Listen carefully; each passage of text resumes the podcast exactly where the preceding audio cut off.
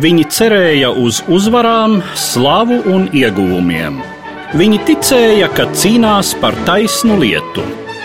Ticēja, ka šai cīņā tieši viņu pusē ir Dievs. Viņi iemantoja izpostītus novadus un sakropļotas miesas, sāpes, vilšanos, nāvi. Viņi, Eiropieši pirms simts gadiem. Lielais vēstures pagrieziens, Pirmais pasaules karš. Sarunās ar Eduāru Liniņu raidījumu ciklā Pirms simts gadiem Eiropā.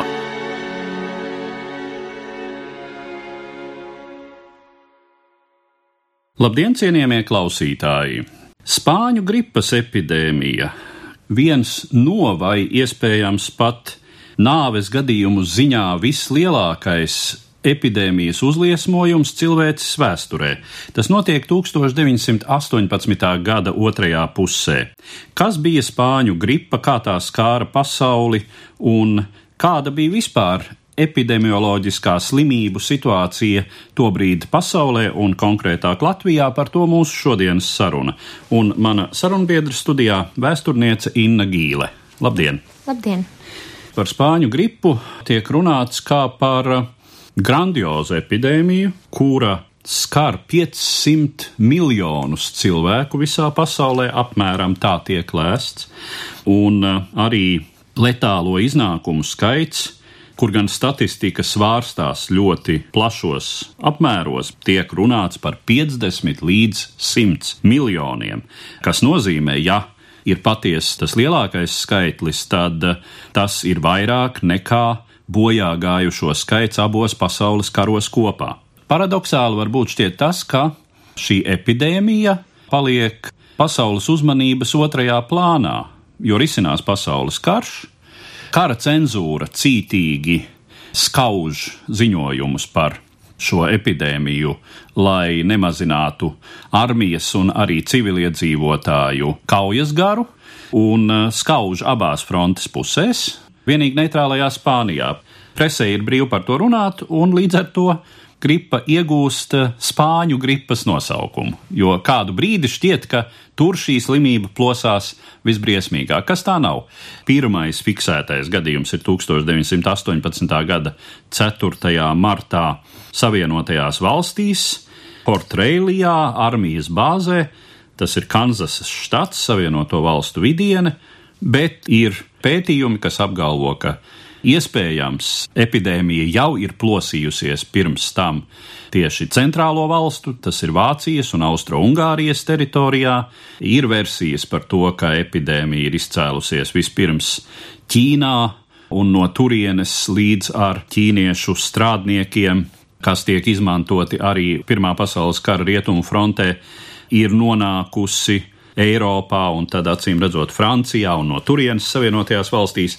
Skaidrs ir tas, ka 1918. gada pavasara mēnešos notiek pirmais epidēmijas vilnis.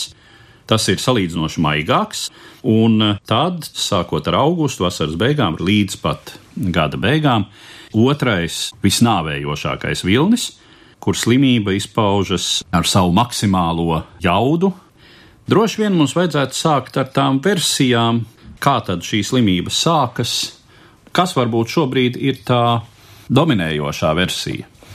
Šobrīd tā dominējošākā versija ir tieši tā, ko jūs minējāt par oficiālo pirmo gadījumu ASV, Kanzas štatā, un vēsturnieki uzskata, ka ASV karavīram dodoties karot uz Eiropu, šī slimība ir paņemta līdzi un izplatīta tālāk Eiropā.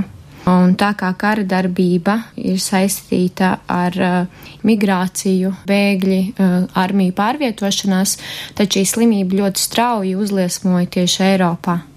Epidēmijas kā kara pavadonis jau ir zināms vēsturei nu, jāsaka, droši vien kopš vispār notiek karošana un lielu armiju pārvietošanās. Šis gadījums mums varbūt uh, liek uzdot jautājumus par tā brīža medicīnas gatavību kaut kam tādam. Vīruss ir noskaidrots, tā nosaukums ir H1N1. Kāpēc šis vīruss izrādījās tik bīstams, tik iedarbīgs? tā kā esmu pētījuši šo situāciju Latvijā, bet tieši spāņu gripas temats nav pētīts Latvijas vēsturē. Un šo tematu es biju plānojis izpētīt turpmākajos gados. Tad es jūs varu pastāstīt, ar kādiem dokumentiem es esmu saskārusies līdz šim. Un tad interesantākais ir tas, ka šī gripa Latvijas armijas dokumentos, piemēram, ja mēs runājam tieši par karaspēku, vispilgtāk izpaužās tieši 19. gada otrajā pusē, un 20. gadā tā sāk samazināties. Protams, ka ārsti nebija gatavi kaut kam tādam, īpaši jau tādēļ, ka gripa nebija vienīgā epidēmija, kas šajā laikā plosījās, bet bija arī tīfa epidēmija, dizentērijas, holēras, un šīs visas notika paralēli šai spāņu gripai. Otra lieta ir tā, ka medicīniskais personāls šajā laikā bija mobilizēts armijā lielākoties. Un mediķi bija izkaisīti pa dažādām karaspēka daļām un arī pārvietojās kopā ar tām.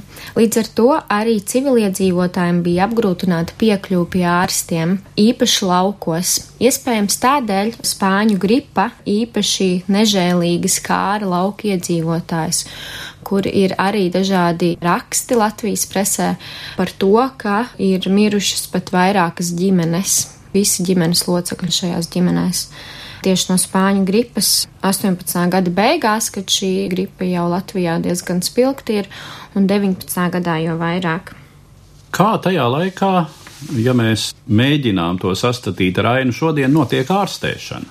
Kāds arsenāls ir ārstu rīcībā? ārsti pirmkārt iekārtoja medicīnas iestādēs epidēmisko slimību nodaļas, tātad uh, ar karantīnu, kurā nedrīkst iziet un ieiet uh, bez atļaujas. Bet, uh, protams, ņemot vērā, ka šī līdzekļu trūka, tās iekārtoja kā nu varēja un daudzas šīs slimnīcas patiesībā nespēja uzņemt šos pacientus, un ir arī daudzi gadījumi, arī arhīvu dokumentos esmu atradusi vairākus, ka ārsti mirst izpildot savus pienākumus. Līdz ar to tā situācija bija diezgan dramatiska.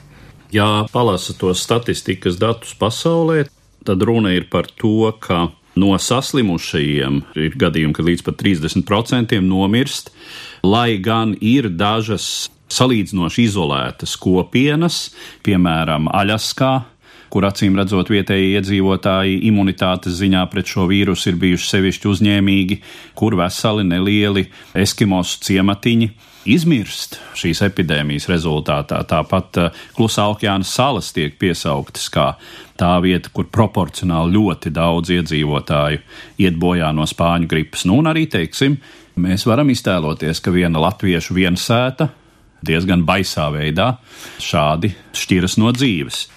Arī salīdzinoši izolēta vide. Te nu mēs varam iztēloties tādu diezgan, es teiktu, viduslaicisku hainu. Situācijas, kuras mēs saistām ar melnās nāves epidēmiju Eiropā, kad, teiksim, klosteri vai tiešām zemnieku mājas vai ciemati izmirst pilnībā. Interesanti ir arī tas, ka šo spāņu gripu Latvijā mēs dēvēt par influenci, un arī šis te nosaukums ir nācis no latīņu valodas vārdu influentie un uh, saistās ar 18. gadsimtu, kad uh, Itālijā bija šī gripas epidēmija. Latvijā nav nekādu statistikas datu par to, cik būtu saslimuši un cik daudz būtu miruši ar šo slimību, bet apskatot preses izdevumus, Man izdevās arī noskaidrot pāris skaitļus, kas varbūt varētu raksturot šo slimības izplatību Latvijā. Piemēram, laikrakstā Līdums 1918. gada 16. oktobrī ir publicēts raksts ar nosaukumu Spāniešu slimība un tajā teikts, jau vasaras sākumā lasījām laikrakstu ziņojumus, ka Spānijā ir parādījusies jauna influences veidīga slimība ar ļoti lielām izplatīšanās īpašībām, un tad jau arī pie mums valkā nācās novērot diezgan biežu saslimšanu ar influenci. Un arī teikts, ka šī jaunā slimība, it sevišķi valkas apkārtnē, pēdējās divās nedēļās sāk plosīties lielos apmēros, un daudzās mājās ļaudis jau guļ vairākas ģimenes, darba nespējīgas un darbi kas būtu jāapdara, ir palikuši nedarīti. Tas uzsvers arī ir uz to, ka šī slimība šos darbspējīgos cilvēkus atrauj no pienākumiem, piemēram, lauksaimniecībā apstrādājumā zeme paliek neapstrādāta, līdz ar to tas arī tālāk ietekmē pārtikas jautājumus. Savukārt pārtika ietekmē cilvēku imunitāti, cilvēks nav paēdis ilgstoši vai ir sliktas kvalitātes pārtika viņš lieto, tad arī šī slimība vieglāk var pieķerties šim cilvēkam. Ziņas par to, ka šī slimība būtu uzliesmojusi citur, tad sākumā nav. Oktobra vidus valka ir tā vieta, kur slimība iespējams ienāk Latvijā. Liels dzelzceļa mezgls. Jā, protams, mēs to šobrīd eh, nevaram pateikt precīzi, bet versija tāda varētu būt, ka tieši caur valku šī slimība ienāk. Bet eh, no laikraksta līdums 1918. gada 8. novembrī rakstīts, ka spāniešu gripa turpina izplatīties Rīgā, Rīgas apkārtnē, un pēc laikrakstu ziņām, tātad no 25. līdz 28. oktobrim, piecu dienu laikā, esot reģistrēti 292 saslimšanas gadījumi, bet no 27. oktobra līdz 1. novembrim jau 460 svaigi saslimšanas gadījumi. Tātad eh, šis skaits ir ļoti dramatisks, un uh, te ir divi jautājumi. Pirmkārt, ka nav skaidrs, kas tieši ir šie reģistrētie dati, kādas slimnīcas, kādas medicīnas iestādes iestādes šos datus ir sniegušas, un otra lieta ir, cik droši ir šie dati, no kurienes viņi nāk, jo dažkārt arī presē patika uzpūst lietas, lai pārdotu savus laikrakstus. Es domāju, ka pētnieki turpinot pētīt šo tematu noteikti atradīs ļoti daudz interesantas detaļas, jau piesauktā lielā izkliede statistikas datos, gan par saslimšanas statistiku, gan par nāves gadījumu statistiku, lielā mērā ir saistīta ar to, ka šķiet sevišķi slimības sākuma posmā to bieži nekonstatēja kā spāņu gripu jeb influenci. Aizdomas bija uz kaut ko citu, bieži vien uz tuberkulozi, kas ir laikmeta kaite, uz plaušu karsoni, kas ir ļoti izplatīts. Galu galā, ja ir runa par fronti, tad aizdoms varēja būt par eh, saindēšanos ar kaujas gāzēm. Jā, nu šādi dati man nav, un arī nav tas, ko saka ārsti. Nav tāda publikācija, kur viņi būtu tieši minējuši, kā šī slimība tiktu uh, uztverta šajā laikā. Piemēram, Latvijas kara slimnīcā 19. gada decembrī no gripas ir miruši 3% no visiem mirušajiem, bet 51 no plaušu karsoņa, un mēs to nevaram zināt, vai e, šis plaušu karsonis gadījumā nav bijis gripas sekas. Līdz ar to, ja saskaita plaušu karsonu un gripu kopā, tad tie ir 54% mirušo.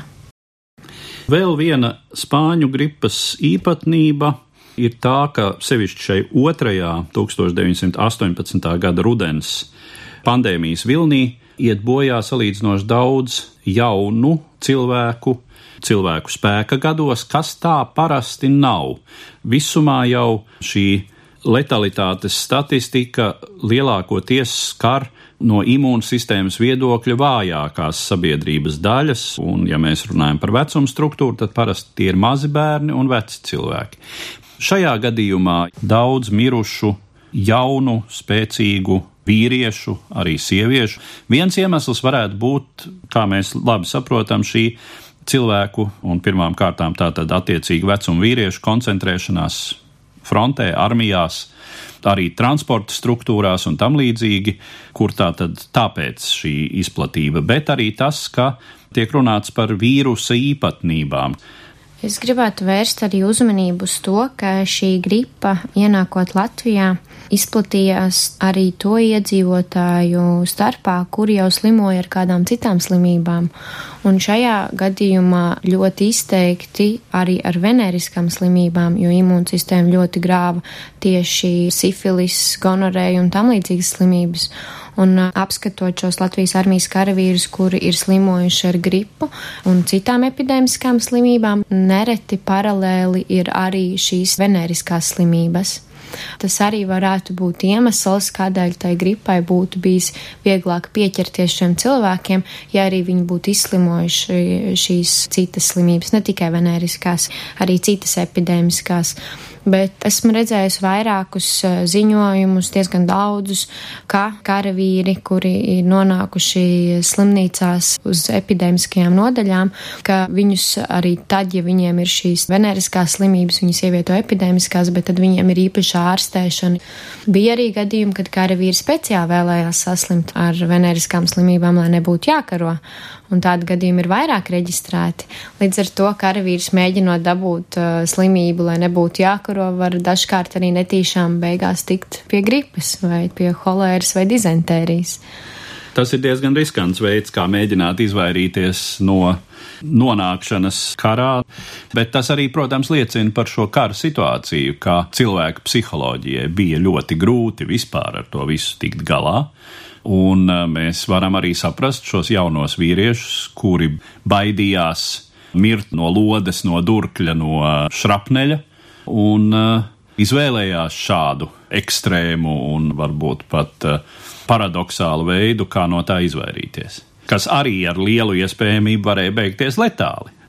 Kāda ir tā vispārējā statistikas aina vēlreiz par slimībām Latvijā šajā laikā, ko es saprotu, jūs esat īpaši pētījusi? Tad vispārējā statistikas aina par slimībām Latvijā ir tāda, ka tās nav. Vienkārši mēs zinām, ka ir bijusi šī gripa, mēs zinām, ka ir bijuši šie tīfi, dizentērija, bet mums nav tā vienotā skaitļa, cik tieši iedzīvotājs ir skāris, un es domāju, ka šādi skaitļi ir pilnīgi neiespējami iegūt ko es esmu darījusi līdz šim. Es esmu pētījusi tieši Latvijas armijas situāciju, un es varu pateikt tos skaidrus, ko esmu skaitījusi katrā atsevišķajā slimnīcā, kara medicīnas iestādē. Un tad, nu, lūk, tās jau nav vienīgās medicīnas iestādes, kas Latvijā bija. Vēl jau bija sarkanā krusta slimnīcas, kurās ārstēja gan civiliedzīvotājs, gan arī karavīrus.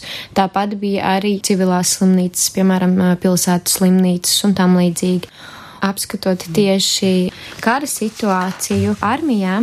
Redzams, ka, piemēram, Latvijas kara slimnīcā, kas bija lielākā kara medicīnas iestāde Latvijā un, ja ne lielākā slimnīca Latvijā, kurā uz 20. gada pavasari bija pat 1500 pacientu, tātad karavīru tikai, šajā slimnīcā 19. gada oktobrī, decembrī no epidēmiskām slimībām ārstēja 15% un no veneriskām 88%. Tātad veneriskās slimības faktiski vairāk šajā slimnīcā tika ārstētas nekā epidēmiskās. Izplatītākais un nepārprotami arī mazliet romantizēts tātad priekšstats ir kara hospitālis ievainojumi, kontūzijas, zobenu cirstas brūces, ložu ievainojumi un tā tālāk.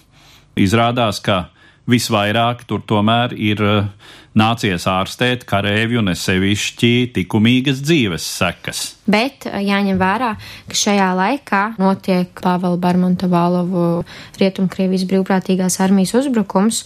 Līdz ar to ievainojumu un kontūzijas ir 37%, kas arī ir ļoti liels skaitlis. Citās kara medicīnas iestādēs bija daudz vairāk šo epidēmisko pacientu, īpaši Latgalē.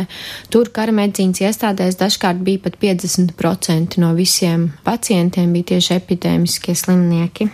Un apskatot šos epidēmiskos slimniekus kara slimnīcā, tad no tiem 52% 19. gada beigās slimoja ar gripu. Tātad gripa bija vairāk nekā puse no visām epidēmiskajām slimībām. Nu, piemēram, vēdratīvs bija tikai 3%. Tad 20. gadā šī situācija mainījās. 20. gada februārī, piemēram, gripa ir tikai 28%, bet tīvs ir 46%. Tātad redzams, ka šī spāņu gripas pandēmija Latvijā samazinājās, bet sākās tīfi, dizentērija un holēra. Tas saistīts arī ar laika apstākļiem, jo kļuva siltāks, un šī sanitārā situācija nebija diezko laba. Laikrakstos publicēti raksti par šo situāciju Latgalē, un tad mans spilgtākais, kas palicis atmiņā, ir, ka kāds iedzīvotājs raksta laikrakstam, ka Latgala līdzinās vienai lielai netīrumu bedrei, un ka uz ātrāko būtu jānovāc atkritumi gruži, jāuztaisa toaletes, ka viss ir vienkārši netīrs, ka priekš lopiem un iedzīvotājiem ūdens tiek tiek ņemts no viena grāvja un tam līdzīgi. Tad, tad mēs varam iedomāties, kā šādā situācijā izplatās slimības. Es domāju, ka ļoti strauji, un to mēs redzam arī pēc arhīvā redzamajiem avotiem. Piemēram, šīm slimnīcu reģistrācijas žurnāliem, kurā redzams, kādi pacienti ar kādām slimībām slimnīcā ir uzņemti kā apkaroja šīs epidēmiskās slimības 19. un 20. gadā Latvijas armijā. Latvijas armijā ierīkoja, piemēram, karantīnas zonas, īpaši ieejot Latgalē, sākot uzbrukumu Latgales frontē 20. gada sākumā. Tur bija ļoti izplatīts tīvs, dizentērija, arī gripa, holēra un visas šīs slimības, kā vietējie iedzīvotāji arī uzsvēra un kā vispār to valdība raksturoja, ka ienāk tieši no padomu Krievijas. Kaut gan tā nevar teikt, jo šīs slimības visas atradās jau uz vietas un uh, slimības jau arī nezina robežas. Bet tomēr 20. gads ir ļoti, ļoti svarīgs, jo paralēli šai gripai, kas jau ir, ir arī tīvi un dizentērija, un, piemēram, tiek iekārtots pat uh, sanitārais vilciens, kurš apbraukā šo Latgalas fronti un uh, savāc ievainotos un īpaši epidēmiskos slimniekus, lai aizvestu tālāk tos uz karantīnu vai arī uz slimnīcām, kur viņu viņus tad dārstē. Tiek iekārtota dezinfekcijas un dezinsekcijas, tātad attutošanas vagoni, jo utis izplatīja tīfu, un arī šie te vagoni apbraukā piefrontes joslu, dezinficē karavīru apģērbu, dažādus priekšmetus, un arī ir piekļuvi civiliedzīvotājiem pie šiem vagoniem. Tāpat ir tādas eh, vagoni pirtis, jo iedzīvotājiem arī nebija iespēja kārtīgi nomazgāties. Un eh, šī higienas jautājuma arī bija viena no prioritātēm. Latvijas armijas sanitārā pārvalde ļoti skatījās un risināja jautājumus, kā šīs slimības apkarot ne tikai karavīru starpā, bet īpaši arī civiliedzīvotāji. Es teiktu, ka līdz tam civiliedzīvotājiem tik liela uzmanība nebija pievērsta. Un ļoti vērtīgi, ka šādas lietas tika domātas, lai ātrāk apkarotu, jo tie slimību gadījumi mums, protams, nav šī precīzā statistika, bet ņemot vērā presi, redzams, ka šie jautājumi satrauc ļoti civiliedzīvotājs, ļoti satrauc arī amatpersonas tad, kad karš beidzās, arī šīs slimības strauji sāk samazināties. Tādēļ es teiktu, ka tieši karš bija tas, kurš šīm slimībām palīdzēja izplatīties. Karš jau bija novājinājis cilvēka imunitāti ar visām tām slimībām, kas bija līdz tam. Un otra lieta ir, ka trūka pārtikas, un tādēļ arī, piemēram, centās iekopt dārziņus pie slimnīcām, kuros audzētu svaigus dārziņus un augļus, lai varētu šos pacientus ar pilnvērtīgu uzturu pabarot, lai viņiem būtu spēcīga imunitāte, kur varētu cīnīties pret slimībām. Tātad tā izpratne, ka cilvēka dabīgā imunitāte, kurai, protams, ir svarīgi vitamīni, tā jau pastāv, bet, protams, kaut kas tāds arī ir pieejams tikai vasaras periodā, un, ja mēs runājam par ziemas periodu šeit Latvijā, tad, protams, jebkurām slimībām ir ļoti labvēlīga situācija. Cilvēki dzīvo ar pieticīgu pārtiku, mēdz trūkt kurināmā, tas arī ir būtisks faktors.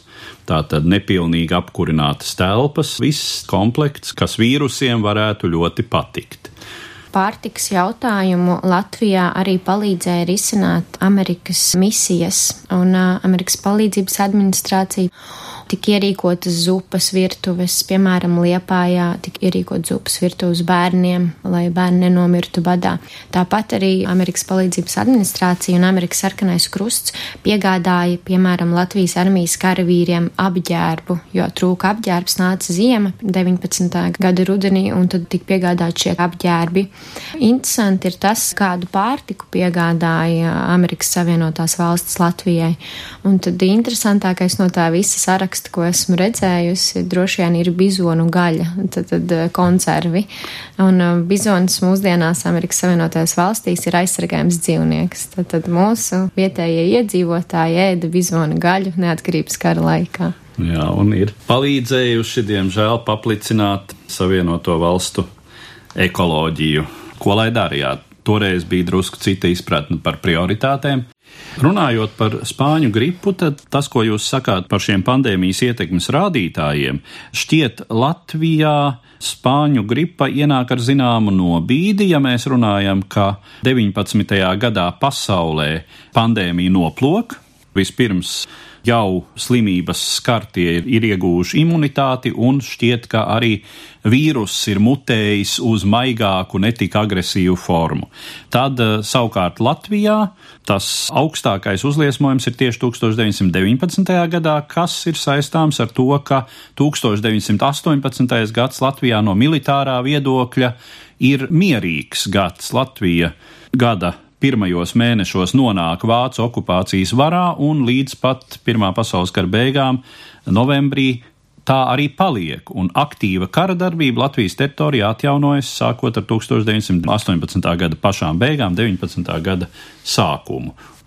Lasot par uh, spāņu gripas šo nāves pļauju pasaulē, tad tā nesaudzē nevienu, slimo ne tikai karavīri ierakumos un piefrontes hospitāļos, ne tikai kara jau pietiekami novārdzināti lauku iedzīvotāji vai pilsētnieki strādnieku rajonos, bet saslimst un mirst arī prominences, arī cita starpā Brazīlijas prezidents Rodrīgis Salvis aiziet ar šo diagnozi. Viens no krievu bolševiku līderiem Jakovs Sverdlovs arī tiek minēts upuru skaitā. Nu, franču dzinieks Gijoms Apolinērs, nu un vēl daudzi, daudzi citi. Cik Latvijā mēs varam piesaukt zināmas, prominentas personības, kuras tajā laikā aiziet no dzīves ar šādu diagnozi?